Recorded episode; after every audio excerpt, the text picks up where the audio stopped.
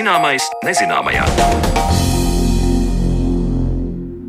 Esiet sveicināti raidījuma zināmais nezināmajā, un Sandra Kropa, kā jau ir šajā stundā kopā ar jums, lai šodien parunātu par Latvijas dabu. Vai pilsētas var kļūt par mājvietu reti sastopamiem pļavas augiem? To pārbauda Latvijas dabas fonda botāniķi, iesējot pļavas augus dažādās Rīgas apkaimēs. Par rezultātiem runāsim jau pēc īsa brīža, bet pirms tam skaidrosim, vai vilks un cilvēks var pastāvēt līdzās. Pēdējā laikā ir daudz dzirdēts par cilvēku sastapšanos ar lāčiem, kuri dažkārt kļūst par bezbailīgi. Bet kāda šī situācija izskatās ar citu meža zvēru vilku? Pagājušā gadsimtā notikušas vairākas vilku izšaušanas, un par vilku un cilvēku attiecībām spēcīgu nospiedumu joprojām atstājusi pasaka par sarkangalvīti. Par vilku populācijas izmaiņām un piesardzības pasākumiem cilvēkiem plašāk klausieties Marionas Baltkalnas veidotajā ierakstā.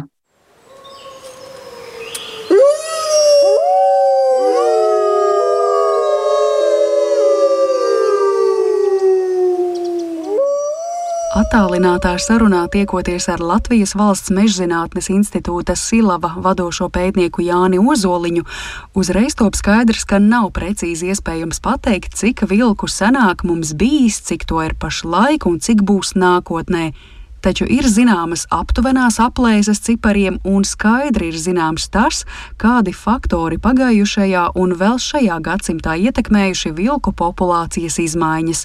Sugas regulācija notikusi vairāk kārt, un ar to iepazīstina Jānis Ozoliņš. Vismazākais vilku skaits uh, Latvijā bija starp abiem pasaules kariem, teiksim tā 30. gadi, kad bija Latvijā pirmās brīvvalsts laikā vislielākais lauksaimniecības uzplaukums un, uh, protams, tāda intensīva, ekstensīva arī lauksaimniecība ar lielu vilku skaitu nav savietojama. Un tajā laikā arī nu, tā valdošā politika visā pasaulē bija, ka vilki ir kaitīgi un pēc iespējas no viņiem jāatbrīvojas.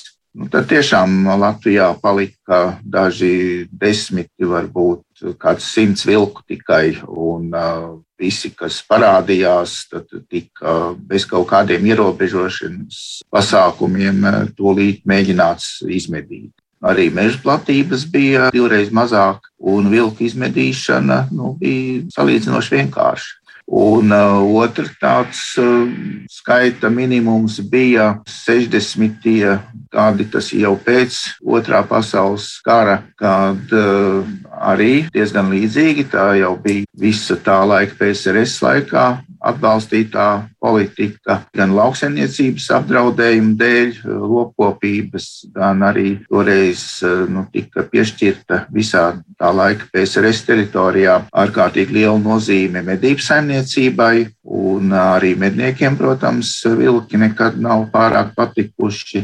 Jā, tad arī tika vilku skaits samazināts varbūt līdz dažiem desmitiem pa vidu, nu, pirms un otrā pasaules kara laikā, abu pasaules kara laikā, eh, protams, kā vilki savairojās un viņu skaits bija nu, relatīvi daudz lielāks nekā tas ir mūsdienās.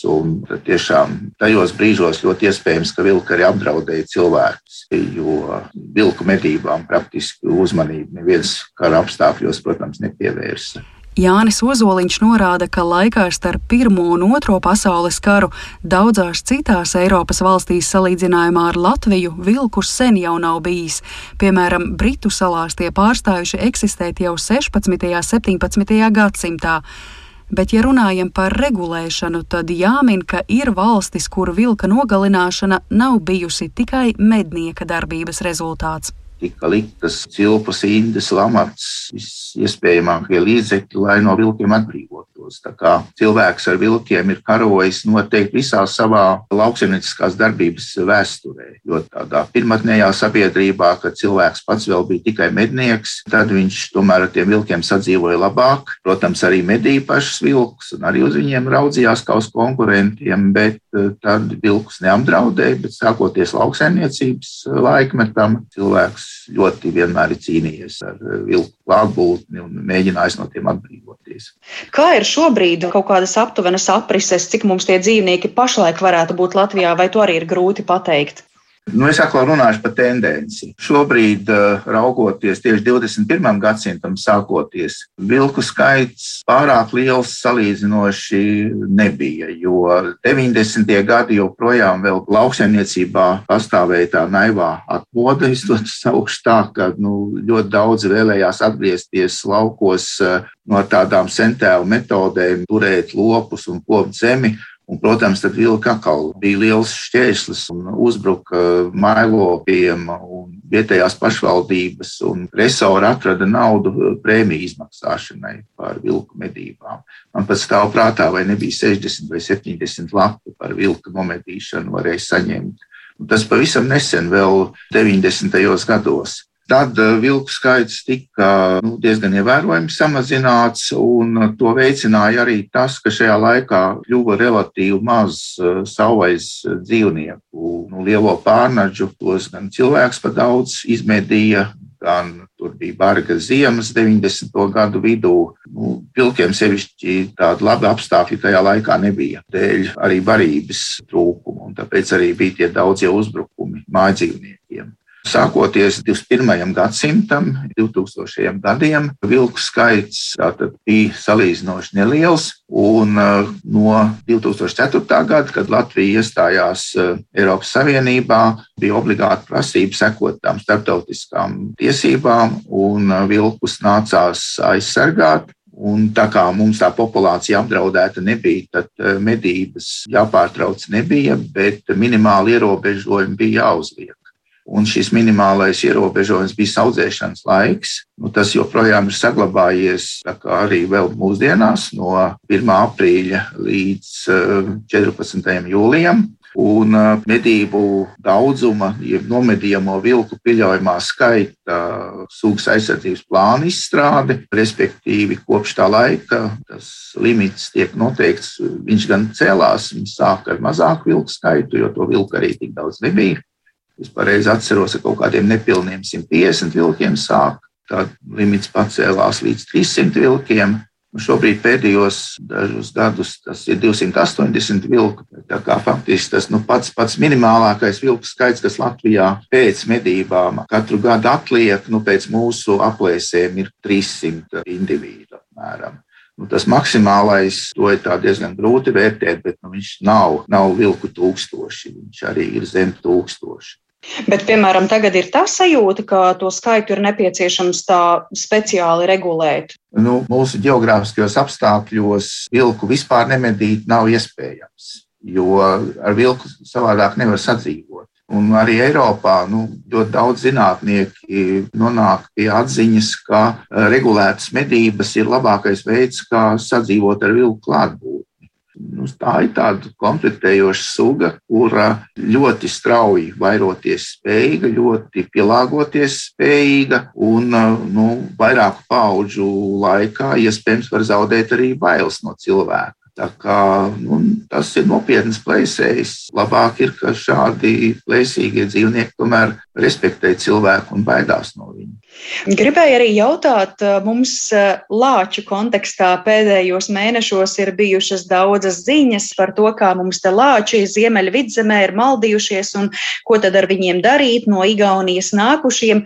Kā ir ar vilkiem? Vai to ir bijusi iespēja tā apsakot, vai pie mums Latvijas teritorijā vilki iemaldās arī no citurienes? Šobrīd vilku skaits pieaug visā Eiropā, sugas aizsardzības pasākumi, kuri faktiski nu, īstenojās pavisam nesen. Es teiktu, ka tāda reāla vilka aizsardzība Eiropā sākās 90. gados tikai. Ļoti daudzās valstīs vilkus joprojām nemedī bet tikpat daudz vai pat vairāk valsts ir, kur vilkus pēc gadsimtu prombūtnes ir sākuši parādīties. Nu, faktiski šobrīd visa Eiropa, eh, Dānija, Nīderlande, Beļģija, Luksemburga, nerunāsim par Vāciju, Franciju, kur par vilkiem eh, tiešām cilvēku paudzes tikai pasakas stāstīja. Visur tur ir vilki atpakaļ atgriezušies. Suga ir ļoti mobīla, eh, suga ir ļoti labi organizēta. Faktiski jau tas vilks dzīvo nu, kā bars.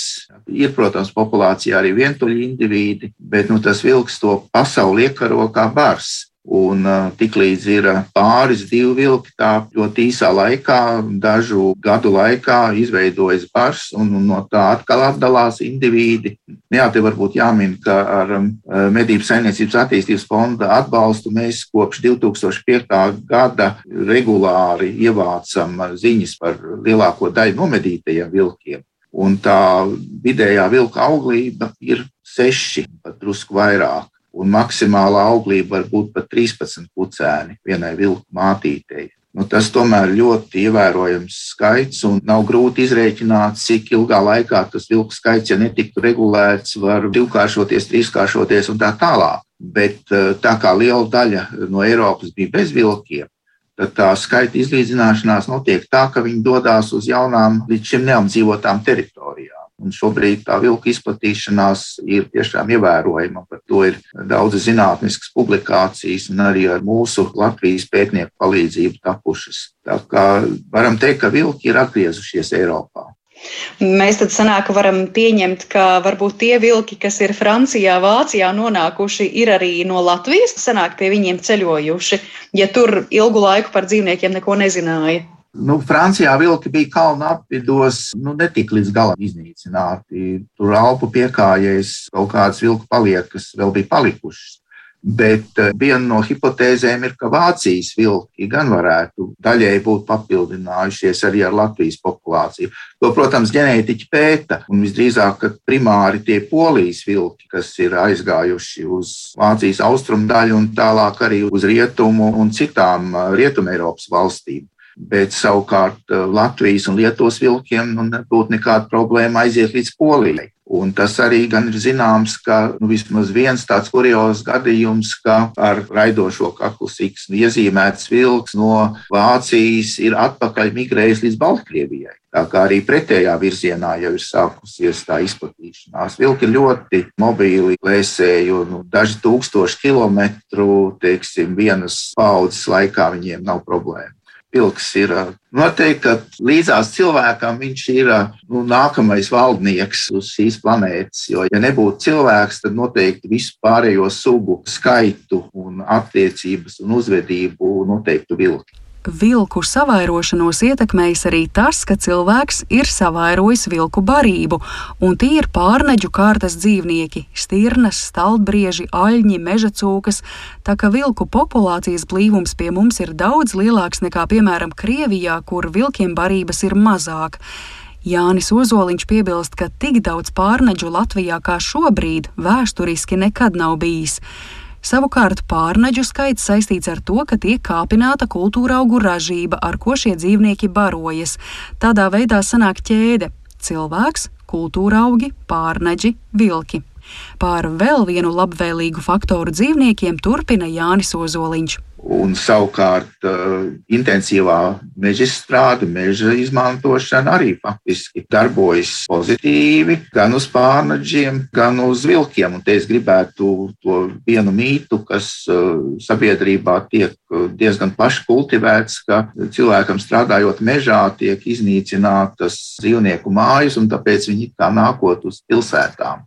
Nu, tā nav jo mežsaimnieciskās darbības rezultātā ļoti lielai dzīvnieku daļai mežs paliek tikai ietilpīgāks un vairāk piemērots. Un uz apdzīvotām vietām viņi nāk eh, tieši tāpēc, ka mežā jau viņi ir par daudz, un tas ir tas pārpalikums, kas eh, nāk no meža ārā un tiešām sāk arī pielāgoties dzīvei cilvēku tūmā. Tā kā nu, tur stirnas, meža cūkas, vilki, lapsas, tiem mežā klājas ļoti labi.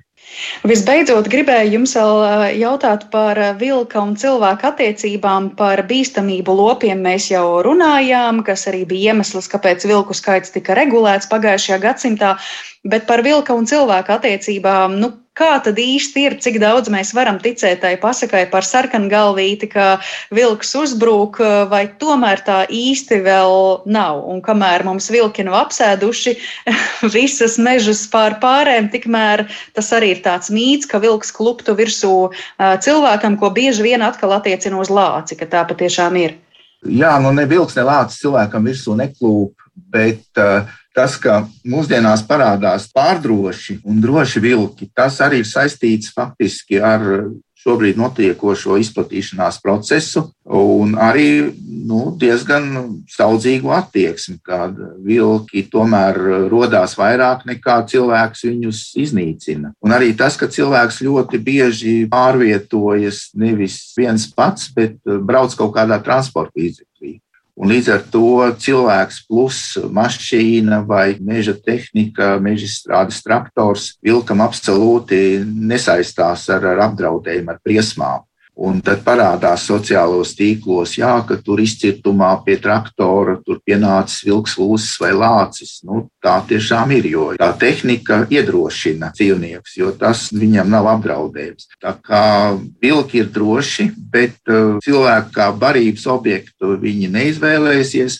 Arī trakumsērgs savvaļā Latvijā jau gandrīz vai desmit gadus laikam nepastāv. Nu, piesardzība, protams, ir vajadzīga, jo savvaļas dzīvnieks, kas ir gandrīz cilvēks svarā un bruņots ar, ar zobiem un ļoti spēcīgiem muskuļiem, labāk tomēr, ka viņš iestur distanci.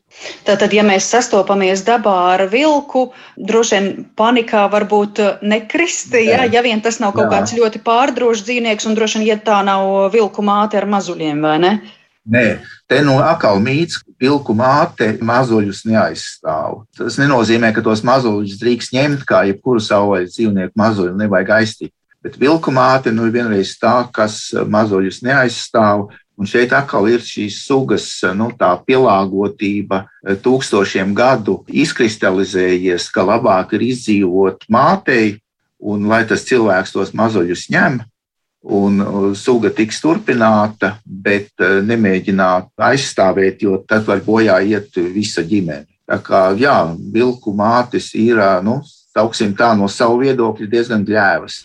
Tā kā automašīnas vilkam nav apdraudējums, daudz šīs sugas pārstāvju tiek arī sabraukts uz ceļiem, un par sabrauktiem dzīvniekiem aicinājums nepalikt vienaldzīgiem un ziņot valsts meža dienestam.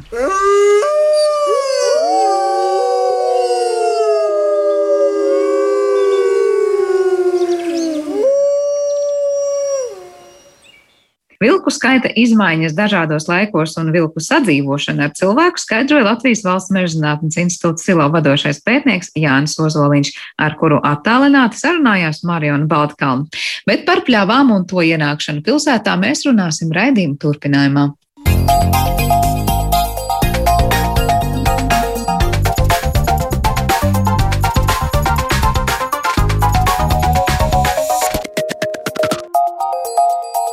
Zināmais nezināmajā. Ja nevaram radīt dabisku pļavu laukos, varam mēģināt to darīt pilsētā. Šādi varētu raksturot Latvijas dabas fonda projektu, kurā šogad Rīgas apkaimēs tika ierīkots dabisks pļavas. Vai pilsētas apstākļi ir labvēlīgi dažādu augu augšanai un kāpēc pilsētām vajag zālājus? Par to mēs šodien vairāk runāsim ar mūsu studijas viešņu, zālāju eksperti un Latvijas dabas fonda pilsētu pļavu projektu vadītāju Rūtu Sniedzi Kretālu. Labdien! Sveiki! Uh, nu es nezinu, kā ir šobrīd Rīga, var teikt, kļūs nākamajās sezonās bagātāka ar dabiskajiem zālājiem, jo ir beigušās vairākas pilsētu pļavu veidošanas talkas. Es saprotu, kurās beig beigās, nu, šo apstākļu dēļ, epidemioloģiskās drošības apstākļu dēļ piedalījās vien Latvijas dabas fonda paši cilvēki, nevis pilsētu apkaimē iedzīvotāji.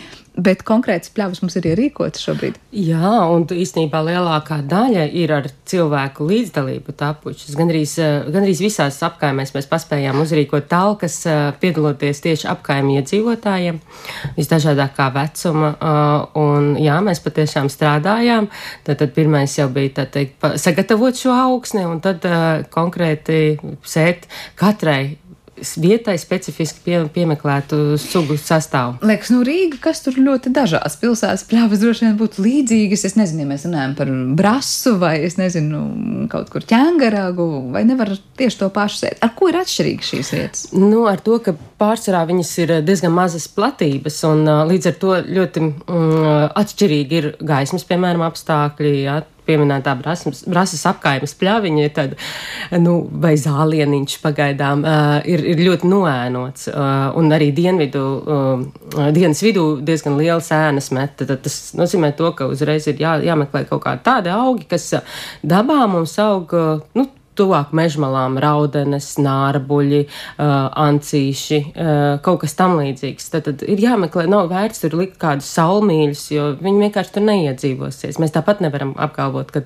ka kaut kas tur um, tā varēs obligāti ie, ie, iedzīvoties. Tad ir uh, Bolderājas apkaime, kur īsnībā tas, tas uh, zāliens uh, ir izveidots uz, um, ap, uz kāpas. Tad, tad Tad tā, tā, tā ir tāda ļoti sausa uh, vide, kurā, kurā atkal ļoti daudz saņem sauli.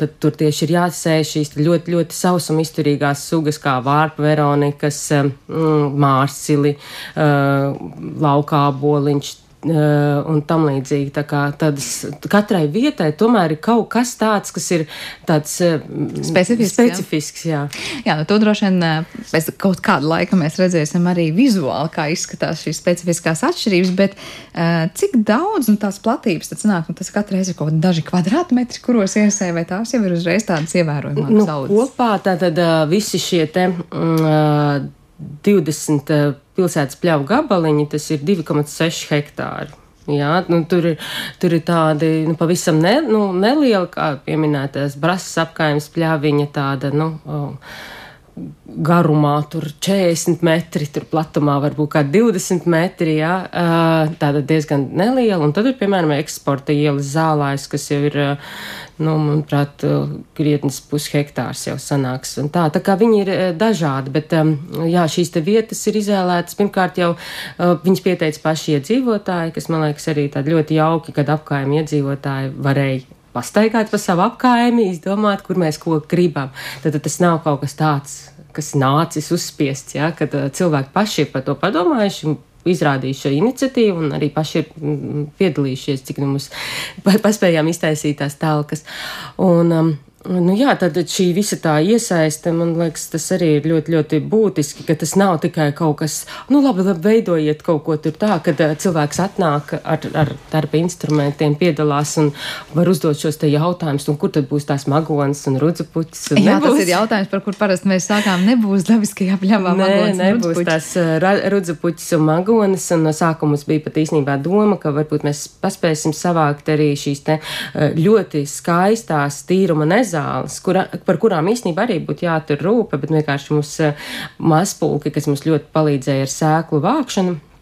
Un, un arī mēs eksperti vācām, visi lielākie pat solīti rūsiņu vāca sēklas, un, un visi, visi mēs tā rūpīgi mēģinājām to darīt visu vasaru, bet, nu, vienkārši, jā, diemžēl tur tās rudzupuķis un magons, kurus gribējām iesēt, tāpēc, lai būtu tiešām kaut kāds krāšņumiņš nākamgad, lai būtu ziedum, ziediņi kaut kādi. Nu, līdz tā mums tā kā rokas neaizsniedzās, bet jebkurā gadījumā, tad, tad tās nav pļauju puķis. Tas būtu vienkārši tā teikt, tā teikt, akcents tāds, ka cilvēki kaut ko arī ierauga, kas zied.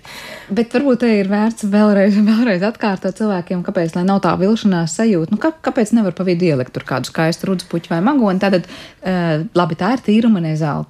Nu, kāda starpība, kas to kā sauc? Tā sliktā lieta ir tajā, ka tās ļoti izteikti savairosies un nomāks kaut kādus citus augus vai kas? Nē, ne, tā sliktā lieta ir tā, ka šobrīd mēs viņus varam dabūt tikai nopirkt ārzemju maisījumus. Un mēs nu, nu, lielās platībās ārpus teiksim, savas, sava dārziņa, nevajadzētu sēt ārzemju sēklu maisījumus ar magonēm un uh, rudzupuķiem lielās platībās, jo patiesībā mēs nezinām, kā viņas, kā viņas var uzvesties pēc tam. Nu, viņas, Protams, tās var apdraudēt mūsu, mūsu, vietējās, mūsu ja? pašu daudzveidību, bet tā jau īstenībā tā magone vai rudzupuķe arī iesēta, piemēram, pilsētas pļāvā, viņi neko tādu ļaunu, jo sevišķi tas būs pašu ģenētiskais materiāls, ja viņi neko ļaunumu neizdarītu, vienkārši tas, ka viņa iznīktu, jo viņas turās tikai tad, kad ir pieejama daudz šī te atklātā augsne. Pļāvā augsne, tā teikt, saslēdzās jau, ja, un vienkārši viņi tur neizdzīvo, viņa nav tam piemēroti. Ja? Un, savukārt šie pļauju augi, tie ir daudzgadīgi augi, kuru attīstība um, ir, ir diezgan lēna. Uh, mēs paši bijām gaidījuši to, ka ar to akciju iesaistīt savu kvadrātmetru, ka būs daudz ziedošāki un skaistāki tie kvadrātmetri izskatīsies. Un, un uh, cilvēki parasti teica, nekas tur nav izdīdis, un uh, man nekā nav, un es atnāku un saskaitu, tur tomēr ir 20 sugas, un, un 3-4 sugas varbūt, kas ir no tām paciņām, ko mēs atsūtījām, bet viņas nezied. Viņas nezied, tāpēc, ka pat tādai pīpenei, ja margrietiņai ir, uh, nu, vajadzīgs, vajadzīgs laiks, lai viņa pietiekoši labi attīstītos un lai varētu raisīt šos ziedus. Tā kā nākamgad varbūt ziedēs tie, tie, tie kvadrātmetri un tas savukārt pagājušā gada sētie. Jā, pagājušo mm -hmm. gadu sētie. Un, un savukārt pilsētas pļavās. Um, nu, tādu ļoti tādu nozīmīgu tādu aspektu izmaiņu varbūt mēs varētu pamanīt nu, nu, pēc pāris gadiem. Es domāju, tur Nu, kādi trīs, četri gadi, nu, droši vien, ka būs jāpagaida, jo, nu, uh, ne visas sēklas arī pirmajā gadā, uh, tad, tad rudenī mēs tagad viņus sasējam, un ka viņas tagad uh, noteikti izdīgs nākamgad. Ir sēklas, kurām zemē ir jāpavada ilgāk laika, nu, ir tādas sēklas, kurām vajag lai viņām uh, noārdās tas sēklapvalks, un tikai tad viņas ir gatavas sēž, uh, tā teikt, augšanai. Katra sēkla zina, kad viņai vajadzēs dīgt. Jā, un cilvēki parasti izdzirdot to, kā jūs rudenī tagad augstumā sēsiet pļavas, vai tiešām nav tā, ka nekas neizdīgs, jo taču sals tulīt būs un viss nosals. Varbūt ir iespējams mazliet pastāstīt, kas notiek tieši ar pļavas sēklām, kāpēc tieši rudens ir piemērots laiks. Uh, nu, tad, tad, nu, atkal mēs paskatāmies tā, tā, dabā. Dabā pļavā auga zied, tagad nogatavina sēklas, kas turpat arī izkrīt. Uh, nu, Un, un tad neviens viņus nav paredzējis nest mājās, siltumā, kādus pāris mēnešus tur sašķirot kaut kā, ja, un tad gaidīt pavasara silto saulīti un iesēt. Nē, tāpēc, ka augiem ir um, ļoti daudziem augiem patiesībā ir pat tas, ka viņiem ir ļoti nepieciešams uh, augstuma periods, un ir tādi, kuriem, piemēram, vajadzīgs vismaz 30 uh, dienas uh, augstuma periods, lai viņš vispār sāktu dīgt. Un, un būs vēl tādas sēklas, vēl, kurām varbūt vēl ilgāks šis augstuma periods ir vajadzīgs. Katrā ziņā savvaļas augiem nav vajadzīga šī te, tāda, kā vai saka, pāraprūpe ar to, ka mēs tagad gaidīsim to silto laiku. Tieši otrādi, ja mēs viņus siltumā tagad turēsim, iesēsim tikai maijā, vai vēl vēlāk, tas mums nu, var tieši izraisīt to, ka mums vienkārši nekas nes, nu, nu nevis ne, ne, ne, ne, ne, ne tā, ka nekas nesadīgs, bet liela daļa nesadīgs vispār. Bet uh, es zinu, ka mēs iepriekšējās sarunās esam dažkārt skāruši šo tēmu, proti, ar tiem, kas apēd šīs sēklas. Tā patiesībā ir tāda ļoti, nu, tāda pa brīvu maltīte, vai ne uzklāt tiem, kas augstnē meklē to ēdamo. Un, ja tā sēklas iesēja ātrāk, tad var teikt, nu, līdz tai dīkšanas fāzē nemaz netiek jau. Nu jā, tā tad par šo te sēklu apēšanu, jā, viņas ir, nu, tā ir ekosistēma. Tā tad augi arī ir, nu, visi, piemēram, iedomājamies pat arī ozolu, cik viņš iedomājas iedomājieties, uh, Ozols, kad uh, ir tas zīļu gads, cik viņš tūkstoši tūkstošiem izkaistās zīles, un cik no tām vispār, no tiem daudziem, daudziem tūkstošiem, cik tad vispār varbūt tās sāksi pārdīgt, vai kā lielākā daļa sēklas ir paredzētas apēšanai. Visi, visi to saprot, visi, visi augi to saprot. Un, un skaidrs ir tas, ka jā, tad, tad nedaudz, teiksim, varbūt aizkavējot šo sēšanu, sējot oktobrī, novembrī, varbūt mazāk višķiņa apēdīs sēklas, bet apēdīs, apēdīs. Nu, mēs nekādīgi nevaram. Uh, šo procesu noregulēt. Mēs ne, nekodināsim šīs sēklas, tāpēc, lai tagad no, nonīcinātu tos, tos tās oliņas, piemēram, kas tur ir varbūt sadētas tais sēklās, jo tad, kad mēs vācam, arī tas ir ļoti, ļoti neprognozējams process, jo augi ļoti liela daļa zied, nu, piemēram, jo sevišķi tie, kuri veido tādas vārpa, vārpveida mm, ziedkopas, tad, tad apakšā sēklas izbirušas, pa vidu sāk veidoties sēklas un augšņā vēl ziedi. Ja? Tā kā, vai tad ir nu, gatavs novākšanai vai nav gatavs novākšanai. Un tas, kas izskatās mums, varbūt mūsu acī, ka tā ir sēkla, mēs īstenībā nevaram garantēt, ka tā ir dīgtspējīga sēkla. Nu, liela laimes spēle. Jā, liela laimes spēle. Jā. Bet kas notiek pēc tam, es domāju, pilsētvidas teritorija? Nu, tā nebūs dabiskā pļava, kuras malā vēl tiek iesēta dabiskā pļava. Ja tā ir vide, kurā es nezinu, notekūdeņu piesārņojums, es pieņemu arī ir diezgan liels. Es domāju, nu, noskalojumi no ielām un ceļiem un tā tālāk dažādās sezonās. Mēs runājam par ļoti daudz ko. Vai mums ir pamats domāt, ka gaisa piesārņojums un vispārējais piesārņojums, kas ir pilsētas vidē, nav labvēlīga vieta tādu dabisko pļāvu augšanai? Mm, nu, noteikti arī sāls, piemēram, vien, viens no faktoriem, ko mēs noteikti, kas, ar ko ir jāsaskarās augiem pilsētā, ir sāls, kas, kas noteikti nāk mežonīgos daudzumos. Un otra lieta, ko vasarā tā nenormāla izkarš, uzkaršana Es domāju, ka pat nu, tie, tie dabiskie zālē, kas atrodas ārpus pilsētas, nu, viņi neuzskars tomēr tik šausmīgi ekstrēmi, kā tas notiek ar, ar pilsētas zālājiem. Tāpēc jau nu, šobrīd mēs sējam dažādus šos mūsu Latvijas uh, augus, mēģinām piemeklēt tās vietiņas, bet nu, izdzīvos tas, kas izdzīvos. Jā, ja tā mans pieminētā skaistā vārpa Veronika, nu viņa nu, nekādīgi negribēs iedzīvoties, nu, nu viss, bet mums ir jāmēģina, vai ne? Kaut, kā, kaut kas ir, uh, jo, jo citādāk tās sugas bez mūsu palīdzības vairs nebe, nevarēs nonākt tajā uh, pilsētas zālājā. Un otra lieta. Uh, īsnībā arī šī apsaimniekošanas režīma maiņa uh, Uh, tas jau arī īstenībā daudzas vietas Rīgā nemaz neizskatās tik slikti. Nu, ja mēs skatāmies to, ka puķis ir, ir, ir puķis, nu, es redzu, tur tiešām ir uh, nu, gan, gan vēršmēles, gan čaurlapu ceļtaks pa pilns pelešķis, ir pilnīgi absolūti visās, visās vietās, jā. Un um, tad, nu, tie ir tādi augi, kas ir ļoti jau adaptējušies tai, tai ekstrēmai videi, varbūt vienkārši, ka mums vajag, nu, pa, pa, paspēlēties, pamainīt un, un padarīt to krāšņāku, ja? uh, bet nu, noteikti būs augi, kas nebūs ne, nekādīgi nevarēs tur iedzīvoties. Man ļoti liels, protams, šaubas par birstalu nārbuli, kas ir nu, tik skaists, tāda īsta, tāda arī Jāņa zāļa. Mm, Jāņa zāle, ja, ka viņš varēs iedzīvoties tajā brāzas uh, apkaimes pļaviņā, bet nemēģināsi, nesapratīs. Nu, ko skatīsimies, kas notiks tuvāk Jāņa periodam, vai ne? Varbūt tiešām mums tur pārsteigumi būs.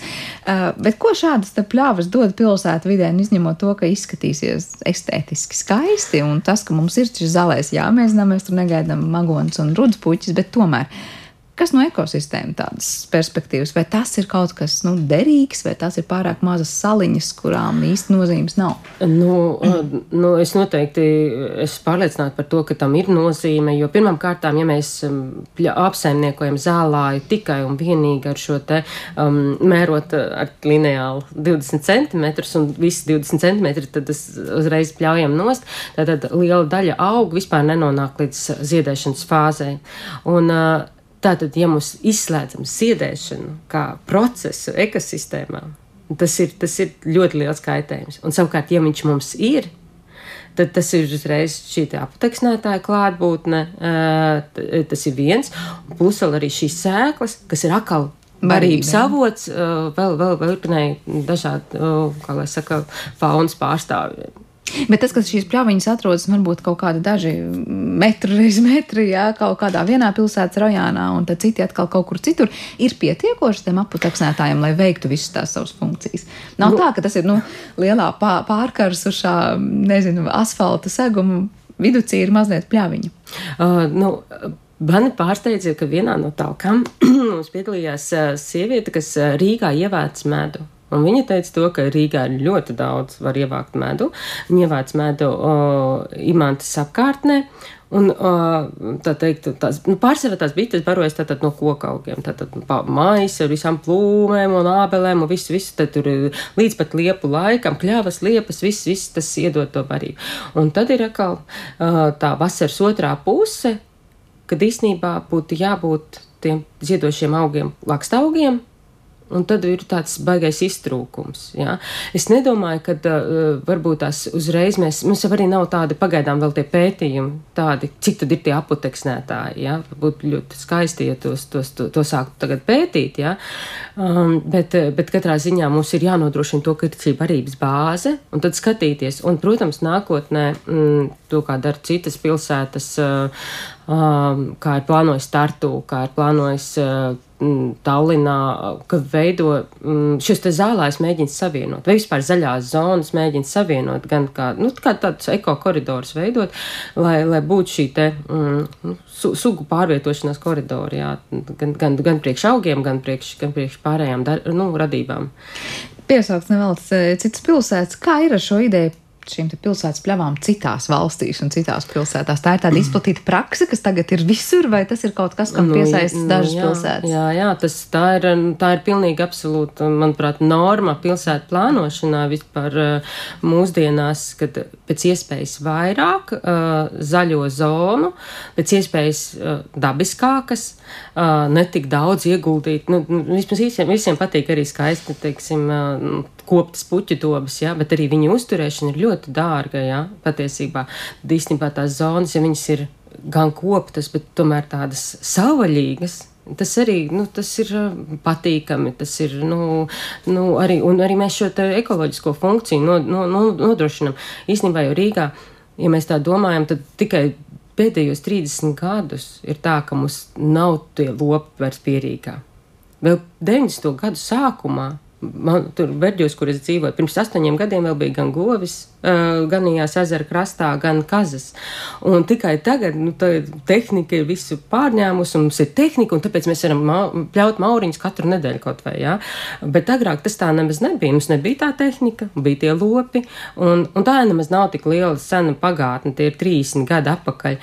Un, um, Un tāpēc es arī domāju, ka nu, jā, vienkārši tā ir tāda, nu, gandrīz tāda neizbēgama lieta, kad pasaules pilsētas iet tajā virzienā, un, un nu, mums jau arī mums tas ir vajadzīgs. Pilsētām nav jābūt kaut kam absolūti atrautam, jo tā pilsēta vidi kļūst tik mākslīga, tik, tik mums, ne, mēs pat nezinām, no kurienes nāk īstenībā mūsu ūdens, kur viņš tur aiztek, ja, un, un mēs kaut kā, mums tas, mums tas notiek kaut kā, kaut kā, liekas, nu, rekur, kur krāns atgriež, tu nemaz nedomā par kaut kādu ūdens riņķojumu dabā, vai ne? Atgriež krānu, aizgriež krānu un viss. Un, un līdzīgi arī ar dabas procesiem, ja mēs aizējam, nu, pilnīgi mums liekas, ka daba ir tikai, viņai drīkst būt tikai ārpus asfalta, ārpus pilsētas, tad, tad tas arī kaut kā, nu, nav, nav normāli. Nezinu, ka. Bet Rīgas gadījumā es iedomājos arī nu, kaut vai par nosaukumiem, ganība dambis, jau daudz kas cits. Tas nozīmē, ka daudz vairāk vēl nesenā pagātnē mums ir bijušas šīs nu, pļāvas šeit. Nu, protams, nu, protams, ka viņas ir nu, nu, ļoti daudzas vietas, kas mums ir, kā lai saka, tagad jauni ciemati izauguši pierīgā. Nu, tās taču ir, nu, varbūt ne visas bija pļāvas, varbūt, ka tur bija arī tur kolhoz lauka un viss kas tāds, ja, piemēram, Mārupe, ja, tur, bet, bet, nu, ļoti daudz bija arī tādas piemājas mazās pļaviņas un uh, ezeru krasti, kas bija izganīti noganīti mainīti. Tur nu, tiešām tā arī bija. Un, un kas notiek tad, kad tas nenotiek? Tad, kad šis process ir pārtraukts, tad mums uznāk tā niedre un nevar tas ezers, ne, ne viņš nevar attīrīties un, un sugas izzūd un viss. Un īstenībā tā, tā vide kļūst ne, nu, nepatīkamāka vienmuļāk un nepatīkami. Vai par ezeriem ierunājamies Rīgas gadījumā, ir kas īpaši paredzēts arī tām zaļajām zonām ap ezeriem, kas mums ir Rīgas mm. ezeri? Nu, mums tāda slepena doma pagaidām ir. nu, tāda kaut ko domāt par to, kā vismaz daļēji nodrošināt to, ka varbūt at, nu, projektā, ka, ka, ka vismaz daļā šo te ezeru šo, apsaimniekot šīs piekrastes, jo Bērģos, kur, no, no kuriem es nāku, iedzīvotāji paši e, pļauj niedres un kopja ezeru krastu, un tas ir kolosāli redzēt to, kā ezers cik viņš labi un efektīvi var uh, atbrīvoties no mehāniskā, piemēram, piesārņojuma, kad iznesot visas tausās niedres, tukšās pētpudeles un tam līdzīgi, kuras tādā veidā ir daudz vienkāršāk savākt. Un, ja mums ir niedra nu, mūris priekšā, Viņš to nevar izdarīt. Ja? Pēc tā, tā ūdeņa malu apsaimniekošana tā arī ir nu, tāda. Mm, tur ir ļoti, ļoti daudz lietas, kas, kas būtu labi, ja viņas būtu.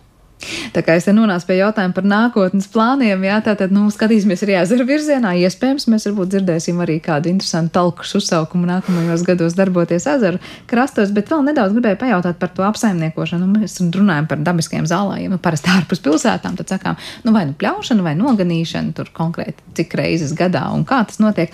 Kas notiks ar šiem pilsētas zālājiem? Vai tie tiks īpaši pieskatīti, lai to kāds neapļauj ātrāk nekā vajag, vai tie ļaus izdarīt? Izziedēt konkrētiem ziediem un augiem, un tikai tad tur notiks kaut kāda pļaušana. Kā tas mhm. tiks organizēts? Nu, tātad pirmais nu, nu, mierinājums tāds, ka viņi tiks apsaimniekoti. Sāksim ar to, ka, lai, lai cilvēki tā teikt neuztraucās. Tātad, protams, visas pļavas, arī dabiskās pļavas un, un, un tādas pilsētas pļavas ir jāapsaimnieko. Bet par šo re, režīmu, nu, vismaz šobrīd es skatos uz to, ka viņš arī ir jāpies, nu, katrā vietā var atšķirties. Uh, un, un uh, pirmais likās tā, ka ne, nepļaut noteikti līdz jāņiem, ka tā ir pareizā metode. Un šogad es biju Salaspilī, kur arī nejauši ir izveidojusies pasakaina, vienkārši ideālā pilsētas pļava, kas bija mājā, māja beigās nopļauta. O, pēc pienenēm tur izauga liela kamola zāle, viņš nopļauts. Un, un, kas notiek jūlijas, vienkārši viss ir kolosāli krāšņa pļava, kurai nav virsū šis te graudzāļu mūris. Tieši tāpēc, ka maija beigās varēja ierobežot šīs graudzāļu attīstību, Un um, tie skaistie, tās skaistās pļavas puķis, viņas attīstās lēnāk. Viņas tas neskar tik ļoti, bet viņas varēja sev parādīt jūlijā, jūn, eh, jū, pat augusts, jūnijas, jūlijas, augusts, visi šie skaistie vasaras mēneši. Tā bija nu, pasakaina, krāsaina, kolosāla pilsētas pļava. Un, un galvenais tas, ka tas ir, tad, tas ir Latvijā, tas ir iespējams. Tas, tas nav kaut kas izdomāts, ka nē, mums vajag kaut kur to vajag sēt un tā.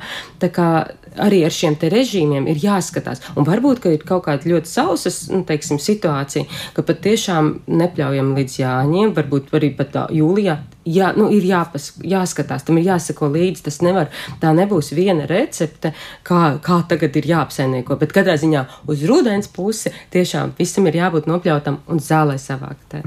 Tā kā es iedomājos, ko mēs bieži esam runājuši par mobīlo ganāmpulku, kas ārpus Rīgas teritorijā šo dabisko zālēs apsaimnieko nav plāns kādu no mobilā ganāmpulka govīm atvest, lai, lai noēd zāli. Nu, nē, nu tā, tik ekstrēmi tomēr es, nu, vismaz šobrīd tajās teritorijās mājās noteikti nedomāt, jo tāpēc, ka arī šī mobilā ganāmpulka uzraudzība, uh, mobilais ganāmpulks ir svarīgs tieši, nu, dabiskā pļava ir dabiskā pļava. Neviena, es neticu, ka kāda pilsētas pļava varēs aizstāt to dabisko pļavu, kas ir īstenībā mums uh, īsta dabiska pļava. Un, um, Tāpēc, lai dabiskai, eh, lai, lai gan mobilais, ganāmpulks ir jā, ganāmpulks rūpējās par to lielo, lielo super vērtību, jā, un mēs mēģināsim uzlabot arī to, kas ir, kas varbūt nav tik vērtīgs, un mēs rēķinamies ar to, ka viņš, nu, nebūs tur varbūt orhidejas, un jumstiņa gladiols, nu, noteikti nebūs, jā, bet, eh, bet vienalgas patīkama daudzveidīga vide, vienalgas uh, bio daudzveidības tāda saliņa. Un, nu, piemērs jau mums ir, ja piesauktā salas pils, kur eh, laikus nopļaujot un skatoties, kas notiek, patiesībā tāds pasakains krāšņums ir pavēries pagājušā nu jau vasarā, ja, mm -hmm. um, par nākamajām runājot, tad, tad es saprotu, šoruden ir šīs 20 pļavas izveidotas. Mēs nākamajā gadā vēl negaidām tur ziedošus skaistus augus, bet pēc kādiem diviem gadiem, ja mēs ceram nu, ieraudzīt nu, rezultātu. Nu, nu, jāskatās, es teiktu, ka tas ir nu, viss, kas ir saistīts ar dzīvi, dzīvām būtnēm dzīvību un visiem dabiskiem procesiem. Mēs nevaram pateikt, nu, nav garantijas nekādas. Nu, ja? Ja, ja kāds neapēdīs, jā. ja kaut kas jā, bet, bet, nu, protams, īstenībā nav jau iemesla gaidīt to, ka nekas tur nebūs un nu, tā nav. Īstenībā arī šobrīd daļa no šīm pilsētas pļavām ir ļoti interesantas un diezgan pat sugām bagātas. Juglas um, promenādes nogāze. Ja? Tur jau šobrīd ir uh, vairākas no, no, no uh, dabisko zālāju, gan indikātoru sugām un dabiskajām, dabiskajām zālāju sugām. Ja? Tas, ka, nu, viņ, viņas jau mm, ir vietiņas, kur jau viņas ir, un mēs vienkārši gribam ienest vēl papildus šīs sugas, kas cerams, ka vismaz daļa no viņām sāks iedzīvoties. Gaidīsim rezultātus. Es pieņemu, ka Latvijas dabas fonds mums informēs un atkal izglītos par to, kuras sugas mums liecinās par to, ka tur viss ir kārtībā un tā ir dabiskā pļava. Liels paldies par šo sarunu un tiešām interesantu aktivitāti. Ar nepacietību gaidīsim nākamo sezonu, lai skatītos, nu, kas jau pamazām sāks jau pieteikt. Un droši vien, kā jau runājām, to uh, lielo skaistumu baudīsim pēc diviem gadiem. Uh, paldies par sarunu Latvijas dabas fonda pilsētu pļauju projektu vadītāju un zālā ekspertu Rūtsniedz Kretālau šodien mums viesojās raidījuma zināmais nezināmajā studijā, bet par šo raidījumu parūpējās producenta Paula Gulbinska, mūzikas redaktors šai stundai bija Girds Bišs un ar jums kopā es Sandra Krapa. Mēs tiekamies jau atkal rīt. Visu labu!